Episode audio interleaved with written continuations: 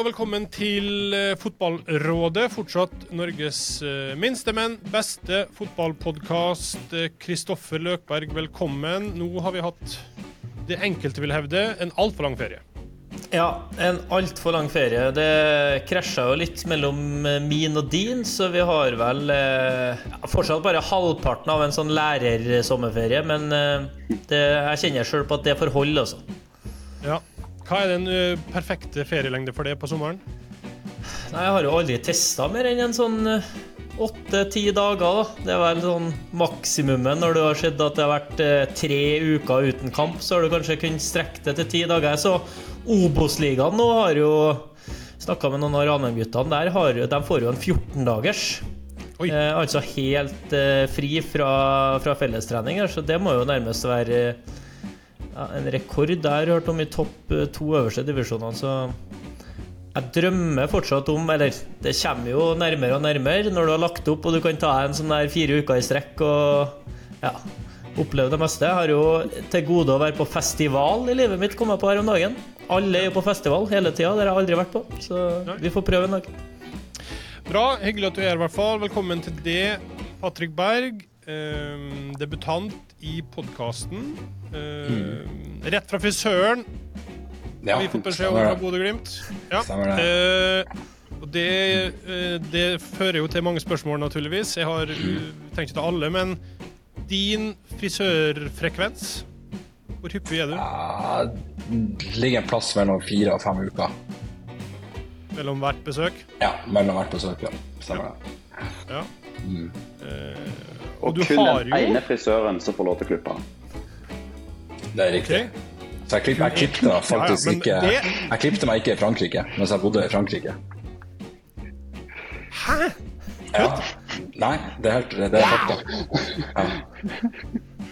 Og du var jo okay, du, var, du var ikke mange år, men du var jo mer enn fem uker. Jeg var eh, ni måneder, men når jeg ikke ble tatt ut på samling mens jeg spilte i Frankrike, det var jo i mars, så da reiste jeg hjem, og da, og da fikk jeg klippet meg en gang. Så, eh, Akkurat. Ja. Mm. Eh, mm, eh, for det var på en måte neste spørsmål. Du er jo, uten å kanskje glemme noen, men du er vel den som jeg ser for meg har det mest perfekte håret i Eliteserien til enhver tid? Jo, takk. Jeg setter jo pris på at du sier det. Men ja. Jo da, altså, men det Ja, jeg, jeg, kan gå med på det. Men det, det krever litt arbeid, det gjør det. Det kommer ikke av seg sjøl. Nei. Um... Jeg bor på rommet Patrick, og han står opp sånn som han ser ut på hårene. Det, det, jeg, det går ikke an å få tatt et bilde av Patrick uten at håret ser bra ut.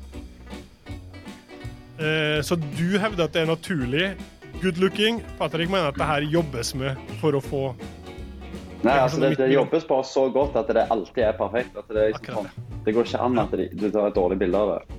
Ja, Vekkerklokka er på sånn fem minutter før du står opp for at den skal få gjort det klart, i tilfelle noe skal men, eh, men, hvordan var det da i Frankrike, når du gikk en liten periode der? Ble, ble, kjente du litt så på stresset? altså det er ikke stresset, men det er jo eh, det ble jo lengre og lengre. Da. Lengre enn det normalt sett. Eh. jeg tror hvis, du, ja.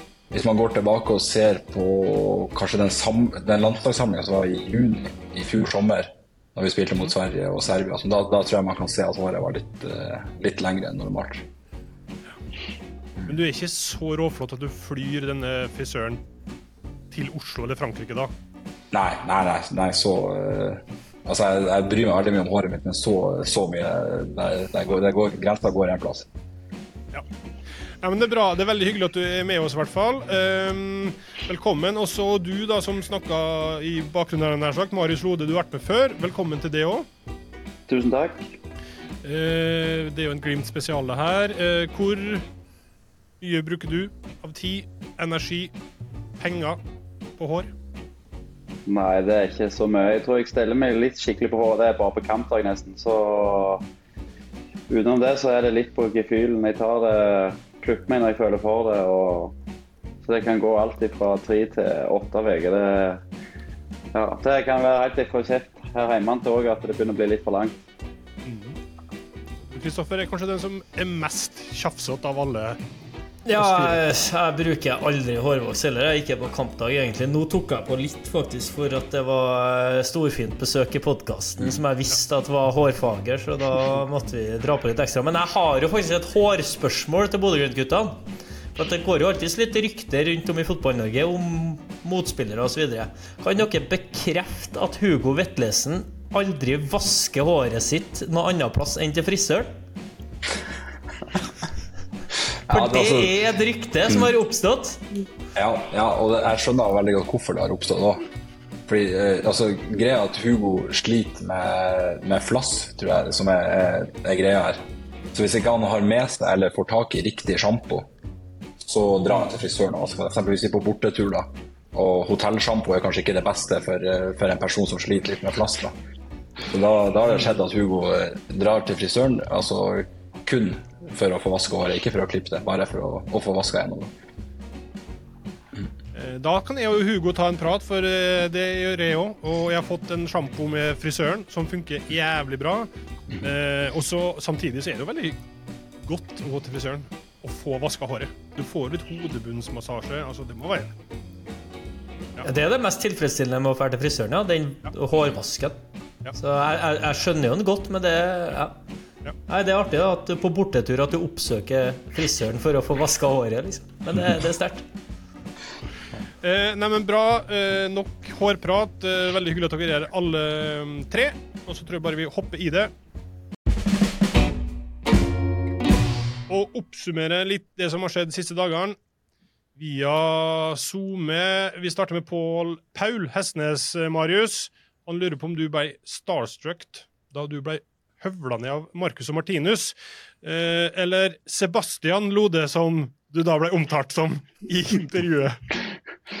Ja, for å være helt, Jeg ble helt satt ut i intervjuet når jeg plutselig fikk en Sebastian servert der. Så jeg visste ikke helt hvordan jeg skulle forholde meg til det. Men uh, den som ble mest taklet, var vel han uh, Isak Helstad Amundsen som fikk sin uh, groveste takling på seg. Han hadde vært ute og meldt litt i forkant òg med at Sølvguttene var, var ferdige nå, og at det var et nytt band som var up and coming nå. Så Men eh, nei, det var, det var kult å møte dem, det var det jo. Men eh, det, var, det som ble mest lagt merke til etterpå, var jo at jeg ble bare kalt for Seb i garderoben av spesielt uh, han som jeg sitter her med.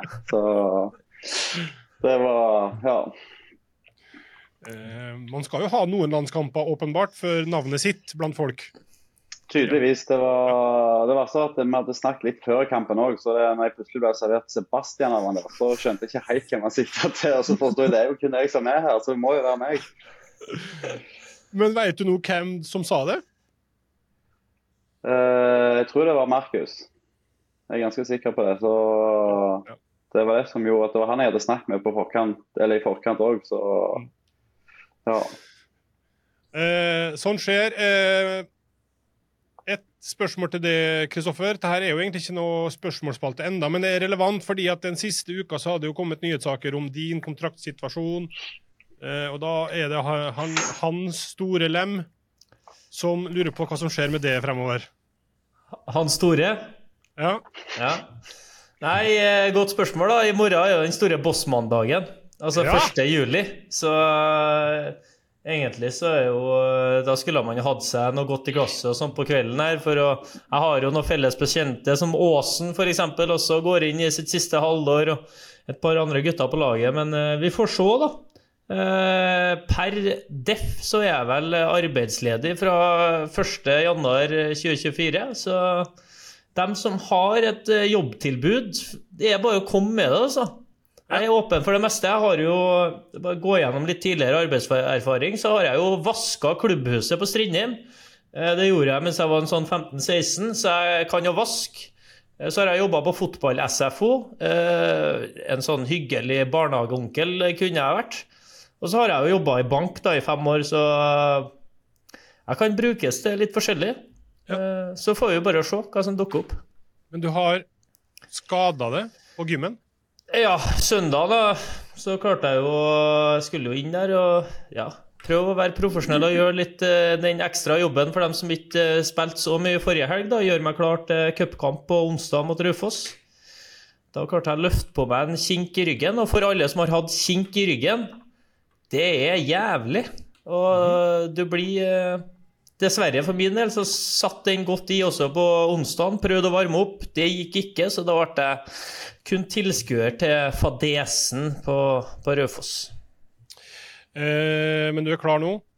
Klar nå til å bidra Ja. i morgen. Ja. Bra. Eh, Patrick, eh, en som kaller seg for Vegard Flemmen Vågbø, var på Twitter her, og han skrev fy søren, jeg hadde vært på grei tilt om jeg var i TIL nå. Og det var omtrent sånn da klokka passerte 90 minutter på Aspmyra. Noen form for sympati med Tromsø, og at de ryker på den måten, eller fuck it, sånn er det. Nei, ikke noe sympati fra meg, faktisk. Jeg tror nok altså samtlige som har vært i Glimt, og var i Glimt, og fortsatt er i Glimt, som var eh, altså spilte kampen 2018 på Aspmyra Jeg tror han Gams Pedersen altså, jeg tror han tok ny rekord i antall minutter ned, altså, å ligge nede i løpet av kampen, kamp, for da leda de 1-0 stort sett, altså ganske lenge. da. Og det, så jeg tror etter det så har om, altså, om, Hvis det fantes litt sympati for tromsøværinga i Bodø, så, så altså, forsvant det fullstendig, eh, den matchen i 2018. Så jeg tror nok samtlige på tribuner og eh, samtlige av spillerne eh, lever veldig fint med at, eh, at de ble litt misfornøyd med dommeravgjørelser. Så det går tilbake fem år eh, til Morten Gamst, altså. Det, her. det er der det sympatien og- forsvant. Ja, altså, det, hvis du spør noen altså, som var på den kampen, eller Glimt-fans generelt altså, de, altså, det fort, Folk er fortsatt forbanna for det. Så det, det, vi glemmer ikke fort oppe i Bodø, nei. Eh, og da trodde jo jeg, da Runar Espejord gikk fra Tromsø til Glimt, med hvor storkjefta han har vært, òg, andre veien, at det her skulle bli litt sånn At det var mer enn uh, overglatting på ett minutt i garderoben. Men han syntes det var helt greit å spille i Glimt umiddelbart, liksom. Så jeg vet ikke hvor Ja. dere spiller han imellom. Jeg vet ikke hvordan det er.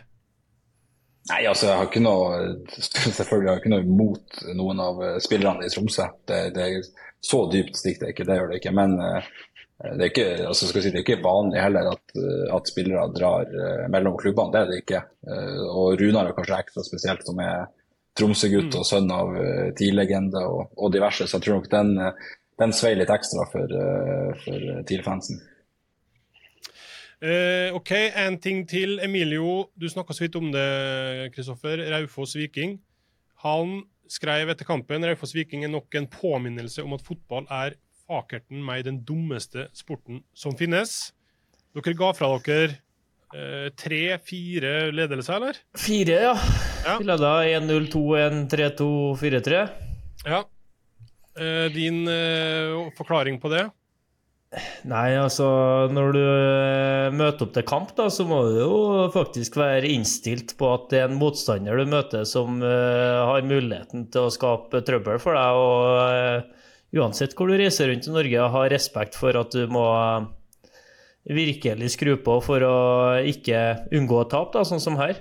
Så det var litt for mange som eh, ja, for å si det sånn, det var en annen gnist i øynene på de fleste lørdag hjemme mot Brann og fullsatt SR Bank Arena enn å tusle ut eh, borte mot Raufoss. Så den, eh, det, der tapte vi fortjent. Vi burde ha ligget under til pause. Vi var jo heldige som gikk inn med 1-1.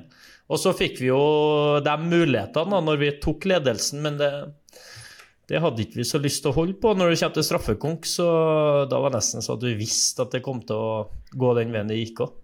Da er det jo profesjonalitet, da, på et eller annet nivå. her. Ja, 100% det, det går på hele gruppa. Det er evnen til å skru av og på. Så du er på mot Brann der, og du får deg en skikkelig opptur og eh, kjenner på den gleden. Så må du koble av igjen neste dagene og klare å få på den kampmentaliteten som kreves. da. Eh, Og det krever jo litt ekstra. Det kommer ikke av seg sjøl når det ja, ikke er fulle tribuner og de rammene som kanskje automatisk får deg til å, å skru til litt. Og det er kanskje ikke alle på laget som har uh, sett en Obos-ligakamp før heller og vet at uh, når man skal spille borte mot dem, så det er cupfinalen deres. Altså, vi tusla inn der, og den sangen vi tusla inn til, det var Champions League-hymnen. Altså, det, det, altså det er, vi, Jeg flirer av det. liksom, De skrudde på Champions League-hymnen i det lagene som klarte å gå på banen, og vi tusla til Champions League-hymnen. Og det var liksom allerede der da, så merka jeg at det her er største kampen for dem i år. Mm. Og den innstillinga, den energien, klarte jo dem å stille med, og så var ikke vi i stand til å matche den. Så vi fikk nok advarsler. Mens dere, Marius, eh, virker jo aldri å gi opp håp, eller miste troa på at det kan snu, uansett hvor mye som står på klokka? Nei, vi har vært ganske gode på en måte til å klare å gi alt egentlig ut til dommeren blåser av og sånn. og vi har jobba en del med det òg, når kampene har vært i Europa. At vi spiller, har spilt på noen kjekke stadioner og spilt på Aspmyr som har vært utsolgt. og hvor, hvor, viktig det er å mobilisere til hver kamp og ikke ta noen ting for gitt. og sånn. For det at Hvis en kommer ut i 90% i en kamp, så er det ekstremt vanskelig å komme opp på, på 100% når kampen har starta. Så er det jo litt av eh, den tankegangen vi har òg, føler jeg, når det er vi tør å prøve på det og stole nok på oss sjøl til at det kommer til å, å lykkes til slutt. Eh, og når vi har malt folk i senk og de begynner å bli slitne, så føler jeg eh, vi klarer av og til å kapitalisere litt på det i slutten. Mm. Dere har jo Patrick, hatt en eh, grei start på sesongen. Tolv kamper, ti seire. Dere er åtte poeng foran uh, Tromsø. De har én kamp mindre spilt, men likevel. Uh, så langt så ser det jo veldig, veldig, veldig bra ut. Hva er din dom over det dere har levert uh, når vi nærmer oss halvspilt? Jo da, jeg, jeg syns vi har vært uh, veldig solide. Og så har det kanskje vært mer solid enn at det har uh, vært sånn veldig høye topper. Jeg syns vi har, har sett tidligere i hvert fall bedre altså, Vi har levert bedre kamper og, og perioder i kamper også fordi vi har levert bedre i tidligere år. Mens nå føler jeg det er mer kanskje robusta og solid. Uh, og det var litt det vi hadde fokus på etter fjoråret, egentlig. Når vi følte at det var det Molde uh, egentlig slo oss på gjennom en, en hel sesong, selvfølgelig. Så så spilte de jo veldig godt. Men det, det, var litt den følelsen vi satt med at Molde egentlig var veldig solid over hele linja. Mens, mm. mens vi uh, i enkeltkamper kunne være helt fantastiske. Liksom slå Vålerenga borte 6-0, og så for neste kamp så, så er vi ikke i nærheten av det nivået. Så jeg tror det var viktig for oss å få stabilisert et nivå, og ikke svinge så mye prestasjoner. og Det, det føler jeg kanskje har vært hoved, uh, hovedpoenget med at vi har lyktes så bra så langt. da. Har man, uh, Kjetil Knutsen snakka om det i fjor. Dere slapp inn altfor mange mål til å kunne vinne serien, uh, basically. Har, har, man gjort noe konkret endring i måten man trener på, eller uh, taktisk? Kan man liksom spore det til veldig sånne lett gjenkjennelige ting for oss som ikke er så gode, eller er det mer en total endring? Ja, du, ja, altså man kan se altså veldig lett taktisk. da. Vi hadde en tendens i fjor til altså når vi møtte Eh, folk som, eller lagene som spilte fem bak, så, så endte vi opp med å presse ganske ofte smalt i 4-3-3. Eh, med vingene inne på, på de brede stopperne til, til motstanderne. Mens nå ligger vi mer i, i 4-5-1 soneforsvar eh, når vi forsvarer oss etablert. da. Og så har vi selvfølgelig andre måter å forsvare oss på, som eh, altså låsepress når det er femmeter og, og diverse. Men akkurat det er vel kanskje den største endringa. For at vi Mm. Opplevde at det ble veldig mye rom til, til vingbekkene når, vi, når vi valgte å, å forsvare oss smart. Og det, det slet vi med. Er det en annerledes følelse å være i Glimt-forsvaret i år Marius, enn det var i fjor? på noe vis? Ja, det er jo som Patrick sier, når det at vi har fått klart å justere de forskjellige typer press eh, vi, har, vi, har, hatt tidligere, så gjør det at vi har mer å spille på. som gjør at jobben for oss bak òg blir eh, blir litt enklere. For når vi hadde det smale presset i fjor, så ble det jo ekstremt mye springing innimellom. At en bare springer og jager ballen hele veien. Uh, mens nå er det tydeligere når vi klarer å få de ut på ei side, hvordan vi skal prøve å holde de på den sida. Så skyvinga bak i uh, Sideforskyvninga for oss bak i, i forsvar blir, uh, blir, litt annerledes. Uh, så er det jo vært litt Nå når vi har stått og dominert så mange kamper, så er det jo det som jeg kanskje nå må ha mer fokus på, er jo den offensiv markering og Det å klare å stå og dominere, men samtidig være klar på den kontradekninga som, som, ofte skjer. Mm. Eh, du som eh, ser det utenfra, Kristoffer. Ser du noen forskjeller i måten Glimt angriper kamper på i år? Er det justeringer? Er det Nei, jeg, jeg, har jo Jeg så litt på inn mot uh, når de skulle møte uh, Lillestrøm i cupen, uh, og følte at oftere har jeg sett en motsatt innerløper har kobla seg litt mer på på andre sida og skapt enda flere trusler rundt ballen. Jeg vet ikke om det er tilfeldig eller en Albert Grønbæk som kanskje har vært litt mer utålmodig enn tidligere Glimt-innerløpere og kommet litt tidligere og oftere over på motsatt side for han vil ha ballen men at det har vært eh, Altså, eh, i fjor, da når det ble veldig inn å møte Bodø-Glimt i en 5-3-2, og så har du på en måte opplest og vedtatt at sidestopper du tar ut innløpet på din side, og så har du en innløper som støter i back, og så en wingback som skal ta over kanten, så har jeg følt at det har vært større variasjon i angrepsspillet til Glimt etter hvert. da og stilt flere spørsmål til motstanderen i det, i det lave. Og så har jeg sett det som de er inne på her, at eh, når de ikke har fått tak i ballen umiddelbart, så har de vært mer tålmodige og samla seg og bare kanskje noen gang i perioder bare latt motstanderen ha ballen og si vær så god, hva skal dere finne på nå? Istedenfor å bli utålmodig og gjerne skal ha tak i den og bli springende imellom og på etterskudd. Da. For det, det er jo brukbar kontringskraft i det Glimt-laget òg, så de må jo ikke må jo ikke vinne ballen høyt opp på motstanderens halvdel hele tida. Det, det, er jo ikke dumt for dem heller å få hvilt litt og samla laget og kan kontre med dem de har. Er det eh, et litt annet Glimt-lag da, nå enn f.eks. for, for uh, rekordsesongen? Eh, er det mer kontrollert på et vis? Er eh, det mindre i frykt for å være frekk Hawaii og sinnssyke topper, men mer litt lavere topp, men mye mer stabilt og kontrollert? Eller er det veldig tabloidisert? Nei, jeg tror du er inne på noe der. Altså, det er jo litt det, altså, erfaringer også vi som uh, gruppe og egentlig Glimt som klubb og trenerteam har gjort med å være et, et topplag som skal dominere hele tida. Og så føler jeg at i, i takt med egentlig oss som lag også, føler jeg mange andre lag og egentlig ligaen generelt har utviklet seg veldig mye og, og på tur i, i, riktig retning, som gjør at den 2020-sesongen som folk altså rundt oss òg prata veldig mye om, den tror jeg eh, altså Ja, det var ekstremt imponerende, men jeg følte at uh, altså det nivået som var da, er ganske annerledes enn det, det nivået man møter i dag. Mm. Jeg vet ikke om, om, dere andre føler det samme, men jeg føler i hvert fall det at, at ligaen har utvikla seg betraktelig de siste, siste, årene. Ja, og så er det noe med at når Bodø-Glimt reiser rundt nå kontra i 2019 og 2020, så er det jo en happening for de fleste lag. Oi, her kommer Bodø-Glimt, liksom. Det er, det er, som da Rosenborg og Brann og de største klubbene, Vålerenga, når de var gode før, så var liksom utsolgte stadioner og tjo og hei, og du merka Eh, det merker sikkert dere at hjemmelaget har aldri vært så gira på en seier. Om de da spiller borte mot Sandefjord eller Ålesund, hva det skal være, så er jo det en stor kamp for hjemmelaget nå. Eh, det var liksom da vi i, i 2018 med Ranheim, så var det ingen som tok oss på alvor før langt utpå høsten. Eh, oi, de er gode, ja.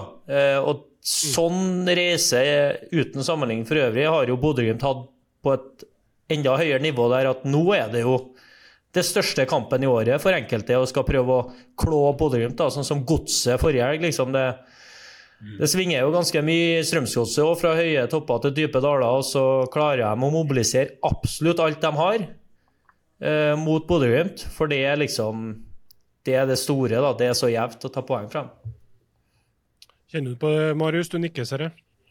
Ja, absolutt. Vi har snakket litt om det òg, at det er viktig at vi er bevisste på det. For uh, du merker uten tvil at uh, hvordan lag uh, klarer å mobilisere til de spiller mot oss, og hvor vi mest ekstra de jubler for uh, både å klare å ta med seg ett poeng eller eventuelt slå oss. Og det er jo egentlig veldig motiverende for oss òg, på en måte. For det vil jo gjøre at vi hele veien må strebe enda mer etter å, utvikle oss og ta nye steg. For det er jo klart når alle andre har lyst til å ta deg, ta deg ned fra toppen og klarer å prøve å ødelegge for deg, så det, kan du enten bli irritert og, og, litt sånn sure for det, eller så kan du se, det på, se på det som en motivasjon til å ta nye steg for å bli enda bedre, som gjør at de ikke skal, skal, klare å gjøre det. Og Det er jo litt der Patrick snakket om i fjor høst òg, om at, at, det kanskje var en liten sånn kulturendring på at når en møtte lag som bare kom for å ødelegge, som det opplevdes. At en kan se på det Det må ikke bli en sånn sydekultur at vi begynner å bry oss for mye om hva andre gjør. for at mm. Vi kan ikke kontrollere det, vi kan kun ha fokus på hvem vi sjøl kan gjøre noe med.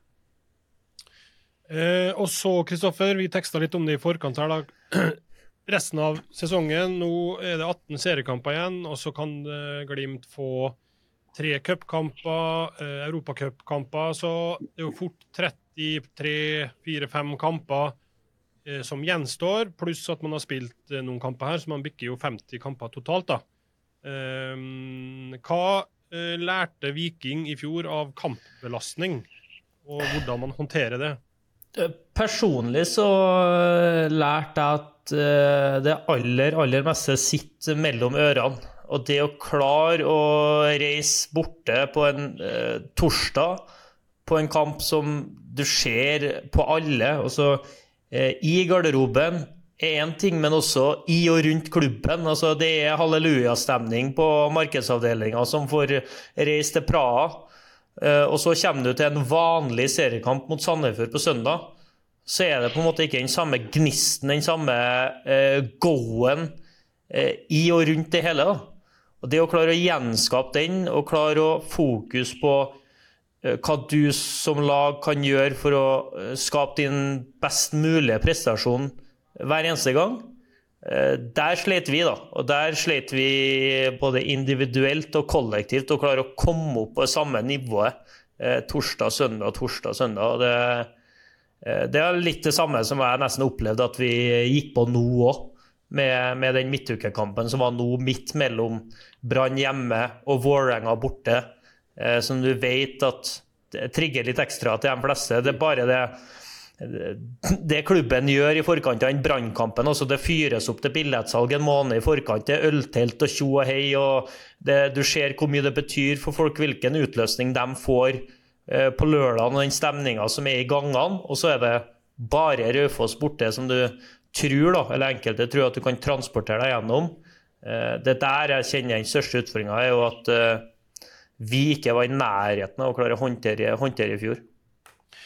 Den uh, perioden dere er på vei inn i nå, Patrick, uh, tror du vi får se uh, en litt annen dynamikk i Glimt-laget? Et annet Glimt-lag? Uh, vet jo Kjetil Knutsen har snakka om at man må på en måte kanskje ta litt lærdom av at man rullerte litt for lite tidligere. At man faktisk ble sliten av kampbelastning. At det kan bli litt annerledes halvdel dere skal inn i nå, enn det som har vært eh, så langt, og tidligere, for så vidt?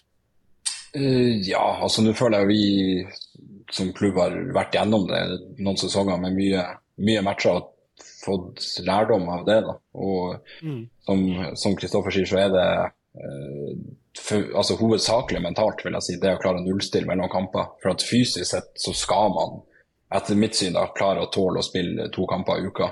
Uh, gjennom en sesong. Det, det, burde ikke være noe problem med, med, altså med, det apparatet man har rundt seg og i forhold til fysioterapeuter fysiske trenere som kan legge opp uh, og tilrettelegge for, for, hver enkelt spiller, sånn at det skal bli, bli, best mulig. For når man spiller så mye kamper, så trener man jo nesten ingenting. Veldig minimalt. Det, det er mest jobb i, i videorommet egentlig for å, å, forberede seg med noen kamper. Sånn man må, mm slappe av og hvile eh, kroppen. Så den største utfordringa er, er, definitivt mentalt. For det, det, er noe det å klare å, å, å legge bak seg kamper og, og nullstille og, se framover mot neste. For hvis du som Kristoffer var inne på, hvis du møter opp i Eliteserien og fortsatt er litt i den rusen for at du har vært ute i Europa og spilt, så, så blir man knallhardt straffa. Det tror jeg vi også har erfart når vi var borte mot PSV i, i fjor og leverte en, en bra kamp 1-1. Og så reiste vi rett til, til Tromsø og, og Alfheim og fikk eh, bank, føltes det ut som. Så eh, det er hovedsakelig mentalt, vil jeg si. Mm. Eh, hva kan du si om det da, Marius? Den eh, evnen man har til å nullstille. og er det en slags indre justis rundt det, eller hvordan gjør man det? Fordi Eh, folk er jo forskjellige, og hvis det liksom er 30-40 kamper igjen på noen få måneder, så er det jo nesten ingenting annet enn fotball dere driver med. Altså, det er jo ikke noe luftepause her til å gjøre noe annet, omtrent. Nei, jeg tror det er viktig som du sier, da, denne indre justisen. for Det er viktig å få en gruppe som tenker på den samme måten. og der synes jeg Vi har jo hatt Bjørn Mansverk som har vært inne hos oss og snakket litt om viktigheten på en måte at uh, du kan ikke gå og leve på ting som har skjedd tidligere. Det er liksom det som skjer i dag i den neste kampen som har noe å si. Uh, og Der var Morten òg veldig og kjedelig i 2021-sesongen, når vi hadde hatt et par kjekke kamper, og i 2022 òg. At det er liksom det som skjer den hjemlige ligaen, som skaper de opplevelsene vi får lov til å reise ut og rundt i Europa. så Derfor er det så ekstremt viktig å vite at selv om det ikke oppleves alltid like gøy, eller liksom, det gir liksom den lille ekstra boosten, så er det hvor viktig det er å komme seg opp der for å få lov til å få disse opplevelsene. For at En glemmer kanskje litt av og til det når en står midt i de kjekke kampene oppi all euforien, som uh, Løkberg sier. at du, alt, så, alt er så kjekt og alt er så godt når du først er oppi det. og Det kan fort, bli fort gjort å glemme uh, hva som gjør at en får lov til å oppleve akkurat det der. Mm. Og Det tror jeg er viktig å få en hel gruppe til å, til å forstå. sånn at uh, du kan ikke gå så, du kan selvfølgelig nyte og synes det er gøy, og alt dette her greiene, men hvordan kan vi både dra med oss den energien inn i neste kampen og, så, og være, være nullstilte? Konkret nå da, Patrick. Dere hadde en svær kamp i cupen. Enorm uh, opplevelse. Utladning sikkert til en viss grad. Og så er det mm eh, noen få dager så er det en ny svær kamp mot Molde på Aspmyra. hvor, kjapt, hvor kjapp er du på en måte på å sette strek over Tromsø og ja, tenke Molde, eller tenke hva du nå enn tenker for å komme bli fokusert igjen? Mm, nei, veldig kjapt for det. Det er litt sånn som jeg altså Vi prater jo mye altså, i, i gruppe sammen med Bjørn, også én og én. Og prata mye med han om at altså litt konsekvensen av å jobbe sånn som vi gjør, alltid ha fokus på en måte det som skal skje. og det, altså Den mindfulnessen er på en måte at du kan oppleve som veldig flat sånn følelsesmessig.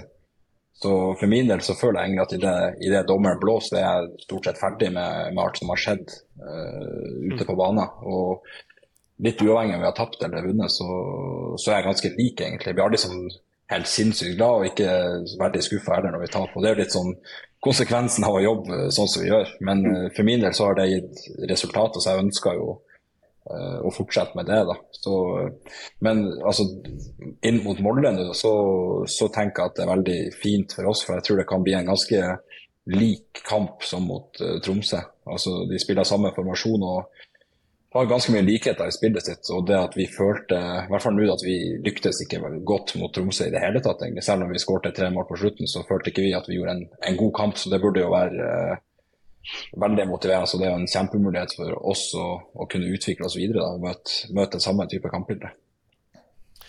For jeg tenkte jo det, Kristoffer, vi skal gå videre straks. Men eh, tap mot eh, Godset, og så etter 90 tap mot Tromsø. Det så ut som hm, er Glimt i ferd med å komme inn i en litt tyngre periode her. Eller, eh, ja, hva skjer? Og så snur det jo voldsomt da på to minutter resultatmessig, uten at det har noe å si for hvordan kampen sånn sett så ut. Ja, det, det, er jo ofte det alle, alle, rundt altså Vi andre håper jo på at ja, ja. den knekken skal komme. Eh, hele, alle sitter jo og venter på er det mulig å tape et par kamper på rad, eller det, skal det alltid gå opp og opp og frem? Så for resten av ligaen så håper vi jo at Molde Nei, jeg gjør egentlig Nei, jeg gjør jo ikke Nei, det. Gjør ikke. Men Nei. det egentlig skulle frem til, var, ja. det jeg skulle frem til, var hvor stor forskjell tror du det er å eh, da komme inn i Molde-kampen med en kjempepositiv opptur der, kontra om det hadde vært to tap på rad? Uansett hvor prestasjonsfokusert man er i Bodø? Det hjelper alltid å vinne fotballkamper. Så du klarer Det er mye lettere å leve med en dårlig prestasjon der du heldigvis fikk et godt resultat, eh, enn motsatt. Så det gir deg i hvert fall noe, i hvert fall i cupen, der det kun handler om å komme seg videre i utgangspunktet.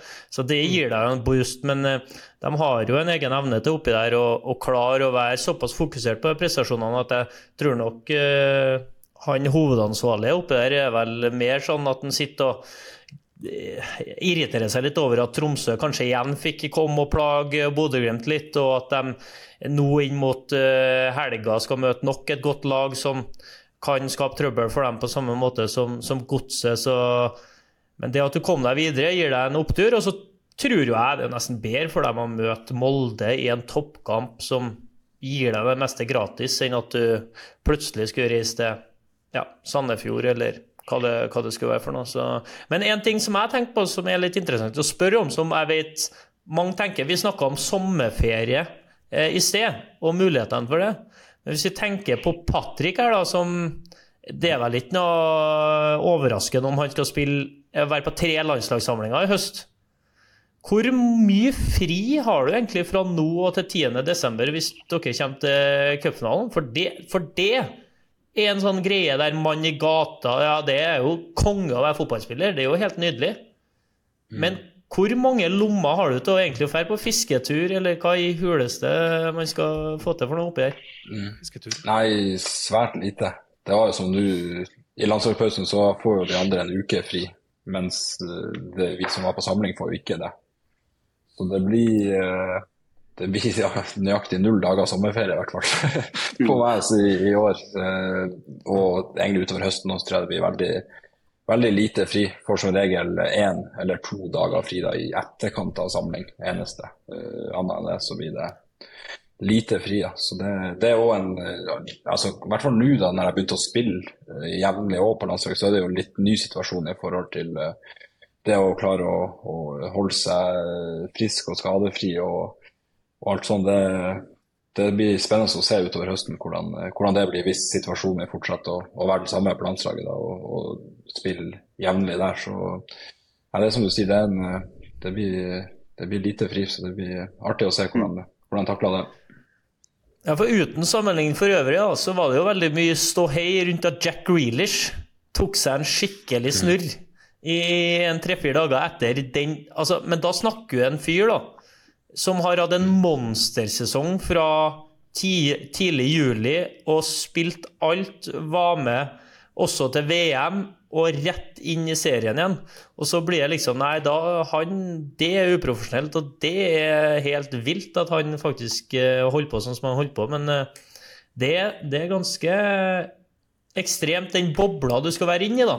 Eh, Som spiller der du uke etter uke etter uke skal klare å holde deg i gang med det kampprogrammet Altså, Det de har uti der, er jo nesten umenneskelig, og det blir jo bare verre og verre. Men eh, Patrick skal jo faktisk være med på lignende ut sesongen, forhåpentligvis for hans del. Ja, Det fine her sånn, er jo hvis, ja, Kan jeg si én ting til angående det? For jeg fikk faktisk spørsmålet av, eh, altså av TV 2 nå når jeg var på samling, eh, og hvordan det er å være fotballspiller. Da jeg har reflektert litt rundt det òg, at det, altså, det er jo helt fantastisk. Det er jo, jeg kunne aldri tenkt meg til å ha vært noe annet, men jeg tror hvis altså folk hadde fått lov til å prøve det over en periode, så tror jeg nok de aller fleste hadde kommet og valgt det bort, selv om de elsker fotball. For det, det er noe helt eget, altså. Det er det. Virkelig. Men da tenker du på alt du går glipp av, da, om det er sosialt eller familie eller hva det nå er for noe. For hvor mange prosent av livet ditt handler egentlig om fotball?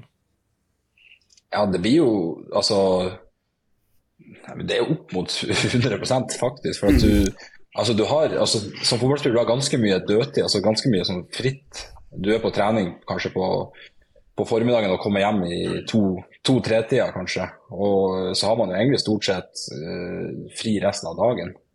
Eh, men du kan ikke gjøre noe samtidig. Du kan, ikke fære og fly rundt dit og datt og gjøre masse greier. Så du, du er på en måte litt fanga i jobben din, og du kan ikke, kan ikke gjøre så mye. Eh, Så der, Derfor tror jeg at, at mange hadde valgt det bort, for det, det er for spesielt interesserte, vil jeg si.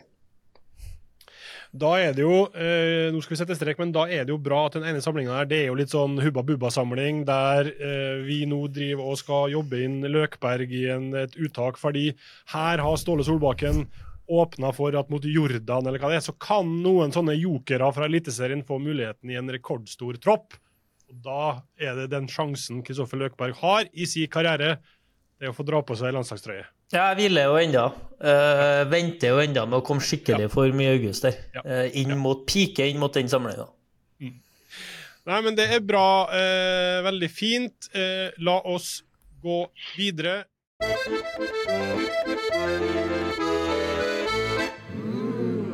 Kristoffer, eh, jeg spiller opp det du har eh, ei spalte fast, Løkens løksuppe. Har du forberedt noe? Ja da, jeg forbereder jo alltid. Ikke tro at jeg kommer hit uforberedt. Eh, og vi er jo på tur nå. Vi eh, for jo til Østlandet på tirsdag, og etter kampen mot eh, Raufoss så kjørte vi til Lillestrøm, og her bor vi på hotell. eh, og når du er på tur, så blir det jo mye kortspill. Eh, og vi har jo en fast firerbande. Eh, det er meg, det er Slatko, det er Salvesen, eh, og det er Harald Nilsen Tangen. Og innad den fireren så er det enormt mye krangling om hvem som egentlig er best. Altså, det er Bonderbridge vi spiller, og jeg mener jo at det er 70% ferdighet og 30% flaks. Eh, jeg spiller faktisk med folk som ikke teller kort. Eh, og ja, dem om det. Men da har jo vi begynt å føre nå en sånn maratontabell ut sesongen. Så for hver runde vi spiller, så fører vi opp på en tabell om du vant, om du kom på andre, tredje eller fjerde. Og så får vi da i eh, slutten av november en sluttabell som skal faktisk vise hvem som i lengden er den beste. Eh, da har vi jo en fin premie. Eh, inn mot jul der så skal jo de tre taperne til vinneren gi ei god flaske med noe godt i til, til vinneren. Men vi trenger en taperstraff. Så alle våre lyttere nå, eh, alle våre, de 30-50 som pleier å høre på, de er hjertelig velkommen til å sende inn sine forslag til en taperstraff til vår kortgjeng eh, på den maratontabellen. Om det er noe veldig flaut og ekkelt for vedkommende, eller om det kanskje er noe hyggelig som kommer andre til gode. Eh, alt, alt, er mulig. Så vi trenger innspill til taperstraff for eh, den kortgjengen. Det skal være En gang for alle så skal vi slå fast hvem som er dårligst. Veldig bra. Og dette her ender jo opp i en eller annen avstemning selvfølgelig når vi nærmer oss sesongslutt. Uh, Marius, du er bodsjef, har hørt i Bodø. Har du noe umiddelbart du ser for deg kunne vært passende, eller er det Nei, altså Patrick er jo egentlig det som er den store kortspilleren av oss. så det, Jeg er sjelden med å spille kort, så jeg tenker at han er kanskje bedre egnet til å si noe som svir godt på en bondebridge-spiller. Så da ja. kaster jeg bare Patrick altså, jeg tenkte jo, jeg tenkte jo, ja, jeg tenkte jo umiddelbart da, hvis Men det, det er liksom hvis, da. Hvis det er Salve som ender opp med å tape her, nå vet jeg ikke hvordan det ligger an i tabellen, men så da ja, det, er, ikke men, dårlig bedt på Sover, så han, han er svak. Ja, nei, for jeg, har jo spilt litt kort med han, så jeg tenker jo at han kanskje kunne ha havna i, i nedre sjiktet. da. Så, så, da tenker jeg jo at å donere bort håret til en, eh, til en eh, god sak Hvis eh, Men ja. Jeg, bare, jeg slenger det opp der, så får jeg Jeg kan bare si at Patrick hadde spilt med livet som innsats, hvis det var det som var greia her. Jeg tenker å få den eh, lange lokken til Salvesen donert bort, da. Mm. Vi noterer det her absolutt, uh, Patrick Berg sitt forslag. Uh, Forutsetninga er at det er Salvesen som uh, blir sist. Ja. ja. Det, det, det er god sannsynlighet for, altså, så det er kjempeforslag.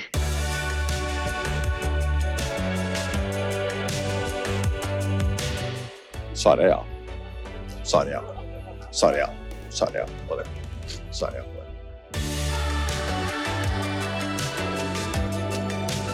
Ja. Svaret ja. Svaret ja.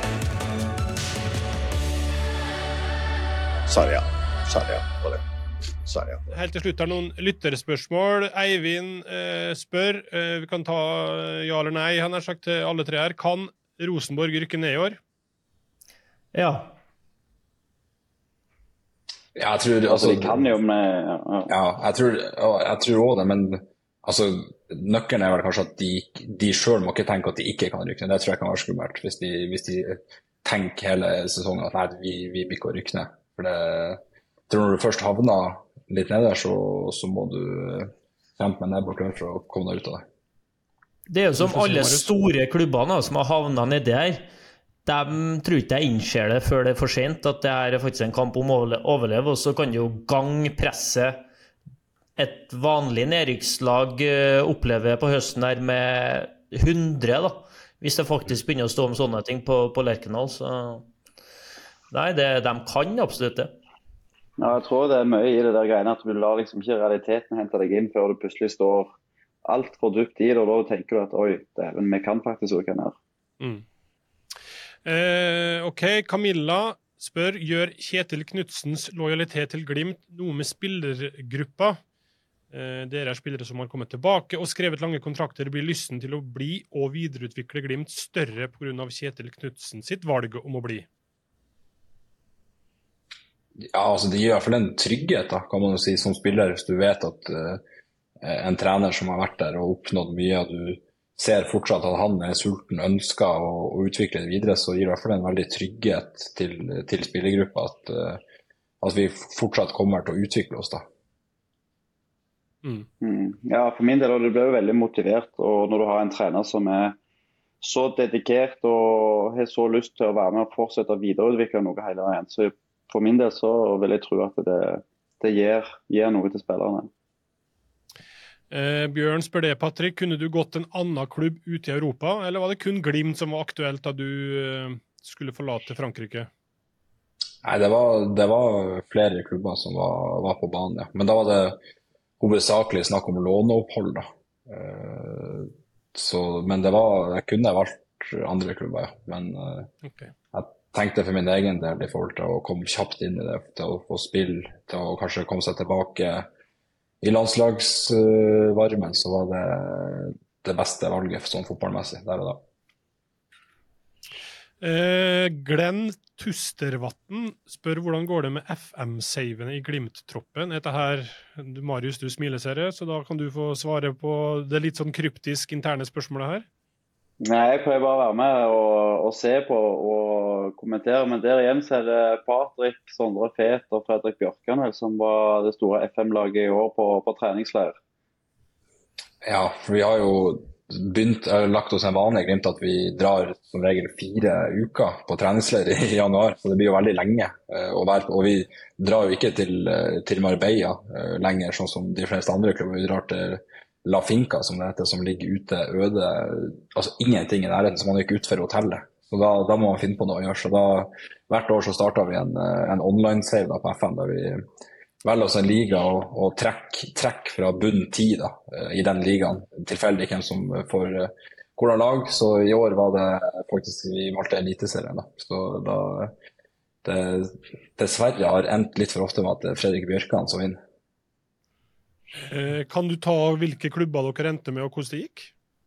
Eh, ja, jeg endte med altså da, da, skal det sies at bunn ti er da Eller bunn, det blir jo bunn åtte i Eliteserien, men det er da ut ifra hva FM eh, tipper. For det kommer et forhåndstips for liksom før hver sesong da, på, inne på FM, så det er ikke noe, ikke noe vis til ikke å rangere lagene fra 1 til 16. Så så eh, må, vil ikke ha noe, ha noe, på det. Men det er, jeg fikk da Sarpsborg, som jeg vil si er jo ikke blant uh, bunn åtte, men FM mente det, så jeg var jo veldig heldig med trekninga mi. Uh, mm. Og Bjørkan endte med Godset, også for, som forholdsvis OK trekning for andre, men Sondre Fet endte med HamKam, så han har kanskje det vanskeligste sånn, utgangspunktet med tanke på økonomi og og, eh, og spillertropp inne, inne, på FM. da. Men uh, det, det, tok faktisk ganske kort tid før alle tre uh, var oppe i toppen. Jeg tror sesong to så vant vel altså Godset serien allerede med, med Fredrik Bjørkan, så det var jo sterkt. Mens både uh, jeg med Sarpsborg og Sondre med HamKam kom oss også ut i Europa, tror jeg, sesong to. Så det tok egentlig én ja, sesong, så var alle tre ganske sånn jevnt i toppen der. Men det var Bjørkan som, som stabilt sett uh, vant serien flest ganger. Det der hørtes jævlig artig ut. Ja, ja det, jeg pleier å sitte og se på en del, også, så syns jeg det er veldig gøy. for Når Bjørkan begynner å gjøre det jæklig godt, sånn, så handler det jo på en måte om å rakke ned på han mest mulig. Så det er Fet og, og Pat de sitter jo og håper på og heier på det andre laget og har fått supportersanger på de andre lagene sine spillere når, det, når de skårer mot Fredrik. og Steinar altså, jeg, kan, jeg, kan avsløre, jeg kan avsløre jeg kan avsløre såpass at uh, Steffen Lie Skålevik fikk en egen sang, for han var mitt uh, i Sarpsborg. Skårte, skårte hat trick mot uh, Bjørkis. Uh, så det mm. Nei, Det der er jo livsfarlig, for jeg husker på min verste sånn FM-hekt i livet, altså de mest solide hekta periodene i livet, så har jeg slitt med å få tankene mine bort fra FM omtrent på trening. da. Altså Du jogger til mm. oppvarming, og det eneste du tenker på, er hvem du skal kjøpe av neste kamp. Snart er den og den kampen. Det er helt sykt når du blir hekta og kommer inn i det. Det er mm. nesten farlig. Eh, men det anbefales. eh, på det absolutt varmeste. Vi tar den aller siste posten her. Vi har eh, fire-fem minutter igjen. Eh, det er en av våre faste lyttere, Martin Sleipnes, og en av eh, Bodø-Glimts mest etter hvert utrolig nok kjente supportere. Han har sendt inn noen innspill her. Heia Fotballrådet NBFP, som da kort det er kort for Norges beste fotballpodkast. Det er jo han som har på en måte funnet på at vi er det. Eh, han har spørsmål til Marius Lode. Hvem i Eliteserien nå er den vanskeligste spilleren å møte? Og hvorfor? Kort. Ja, det var det, da. Eh, litt vanskelig. på en måte. Det er så mange forskjellige. Jeg liker jo generelt sett ikke å spille mot typer som eh, som sånn Kirkevold, som en bulldoser som springer, springer på hele veien og setter ut hofta, tok med hofta på deg og sånn. Men eh, altså det er vanskelig å spille å lese, som gjør at det er vanskelig å stå bak i forsvar, syns jeg er nesten vold Wolf Eikrem. For det jeg det det er ikke som forsvarsspiller. Du har begynt å bevege deg den ene veien, og så slår han den andre veien. og Det kan gjøre det litt utfordrende å stoppe et par ganger.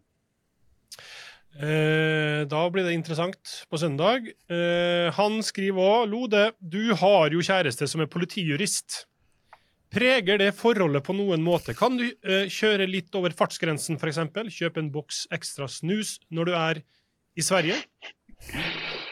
Nei, altså jeg eh, tenker jo veldig mye på det. Hun mener jo at eh, jeg ikke trenger å tenke på at det er teit av meg å gjøre det. Men hun er nå, kommer fra en familie der faren òg var politi, så hun sier jo det at det er helt normalt å kjøre over, så hun trenger ikke tenke noe på det. Men det er klart, eh, når det er at vi finner på ting, så prøver jeg jo alltid å tulle litt med det, for jeg mener det er litt seriøst òg. Så jeg har alltid et par spørsmål som jeg legger inn som tull, men eh, så jeg egentlig dødelig seriøs med. Og nå sist så var vi ute og reiste, og det ble noen forsinkelser og sånn. Så det er positivt med å ha en advokat som kjæreste, er at du kan jo alle reglene for hva du kan søke om eh, etterpå og sånn. Så det, jeg trenger ikke gjøre noen ting. Så det er ganske fint.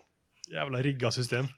Ja, det er jo det. Så hun vet hvem, hun- hva hun skal sende mail til og hvilke knapper hun skal trykke på. Men eh, det er òg når det at eh, en skulle begynne med samboerkontrakt og dette her greiene, så må jeg jo nesten få en eh, egen advokat til å lese øvelsen. For jeg vet jo ikke om hun legger med noe med lite skrift jeg sjøl ikke vet helt om. Eh, bra, Patrick. Eh, Martin skriver jeg er jo som alle vet fra Ørnes. På Bella Napoli på Ørnes henger det et bilde av deg, pluss familien som er på fisketur. Eieren er stolt som en hane. Hvordan rangerer du den pizzaen sammenlignet med utvalget som er i Bodø? Jo, altså Bella Napoli er veldig bra. Det er litt sånn klassisk eh, ja, sånn eh, restaurant der du får pizza, burger, kebab, altså, som, som finnes eh, mange plasser. Men veldig, veldig kjekk og, og fin restaurant. Og vi har hytte rett attmed Ørnes, da, der Martin er fra. Så det er jo derfor vi var, var innom der, da. Eh, og det, de holder et eh, akseptabelt nivå. Ja, ja. Der, der får du eh, akkurat det, det du kan forvente å få av en pizza, burger og, og kebabplass. Bra. Eh, siste her. Eh, et landslagsspørsmål, eh, eller det er jo egentlig ikke det. Men eh, han skriver at han ser for seg at det kan jo ikke være noe som er mye større enn å representere eh, landslaget. Eh, og så spør han om du er flink til å kjøpe billetter til konserter i god tid. Eller blir det å dra 'jeg er landslagsspillerkortet' og få ting ordna? Nei, jeg har, har det ikke i meg å skal bruke min status for å, for å få ting. Det, det, altså det, det tror jeg du altså aldri kommer til å se meg, meg gjøre. Det, det, altså det, altså det har blitt så pinlig berørt at jeg skulle ha brukt det eh, til, til noe. Så det, det gjør jeg ikke. Men det er jo litt som Kristoffer sa tidligere, også, man, man drar jo aldri på konsert eller festival eller noen, noen ting som fotballspiller, så det, det er ikke ofte man får, eh, får bruk for det, i hvert fall. Det er vel det flaueste man kan gjøre. Det er sånn, Veit du ikke hvem jeg er? Og så er det sånn Nei, det hører folk faktisk ikke. Så beklager. Den billetten den får du ikke.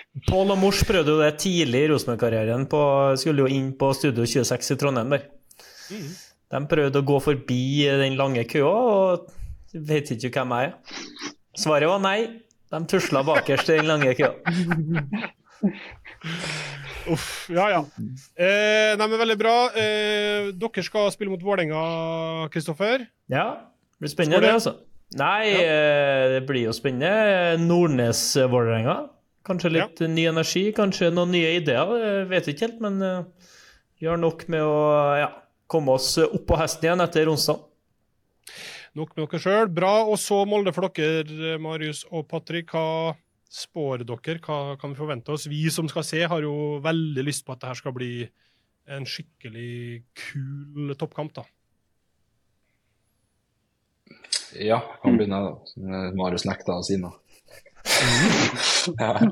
Men ja, nei, som, jeg, som jeg var inne på tidligere, så tror jeg kanskje vi blir å få ganske likt kampbilde som mot Tromsø, og som vi har møtt mot Molde nå de siste gangene vi har spilt mot dem. Der vi har mye ball, men egentlig ikke har klart, i hvert fall foreløpig, å skape eller bryte inn ned. Så de har hatt det ganske komfortabelt egentlig å få lov til å, å ligge og forsvare seg, og så har de vært eh, dødelig effektive og, og veldig gode da, i, i kontringsspillet sitt. Så vi må jo sørge for at vi eh, finner en måte å, å komme oss til sjanser, for det har vi slitt med.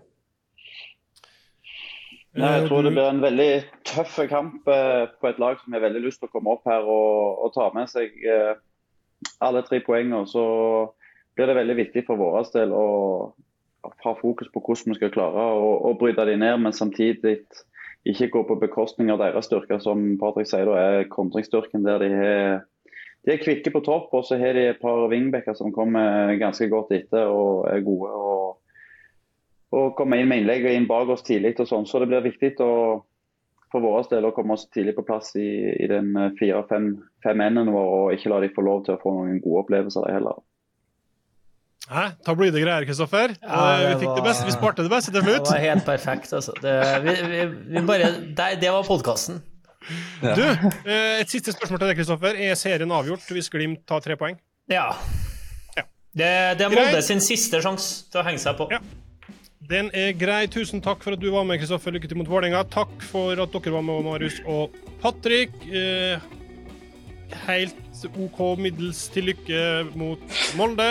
Og så eh, takker vi for at dere har hørt på, og så høres vi igjen til uka.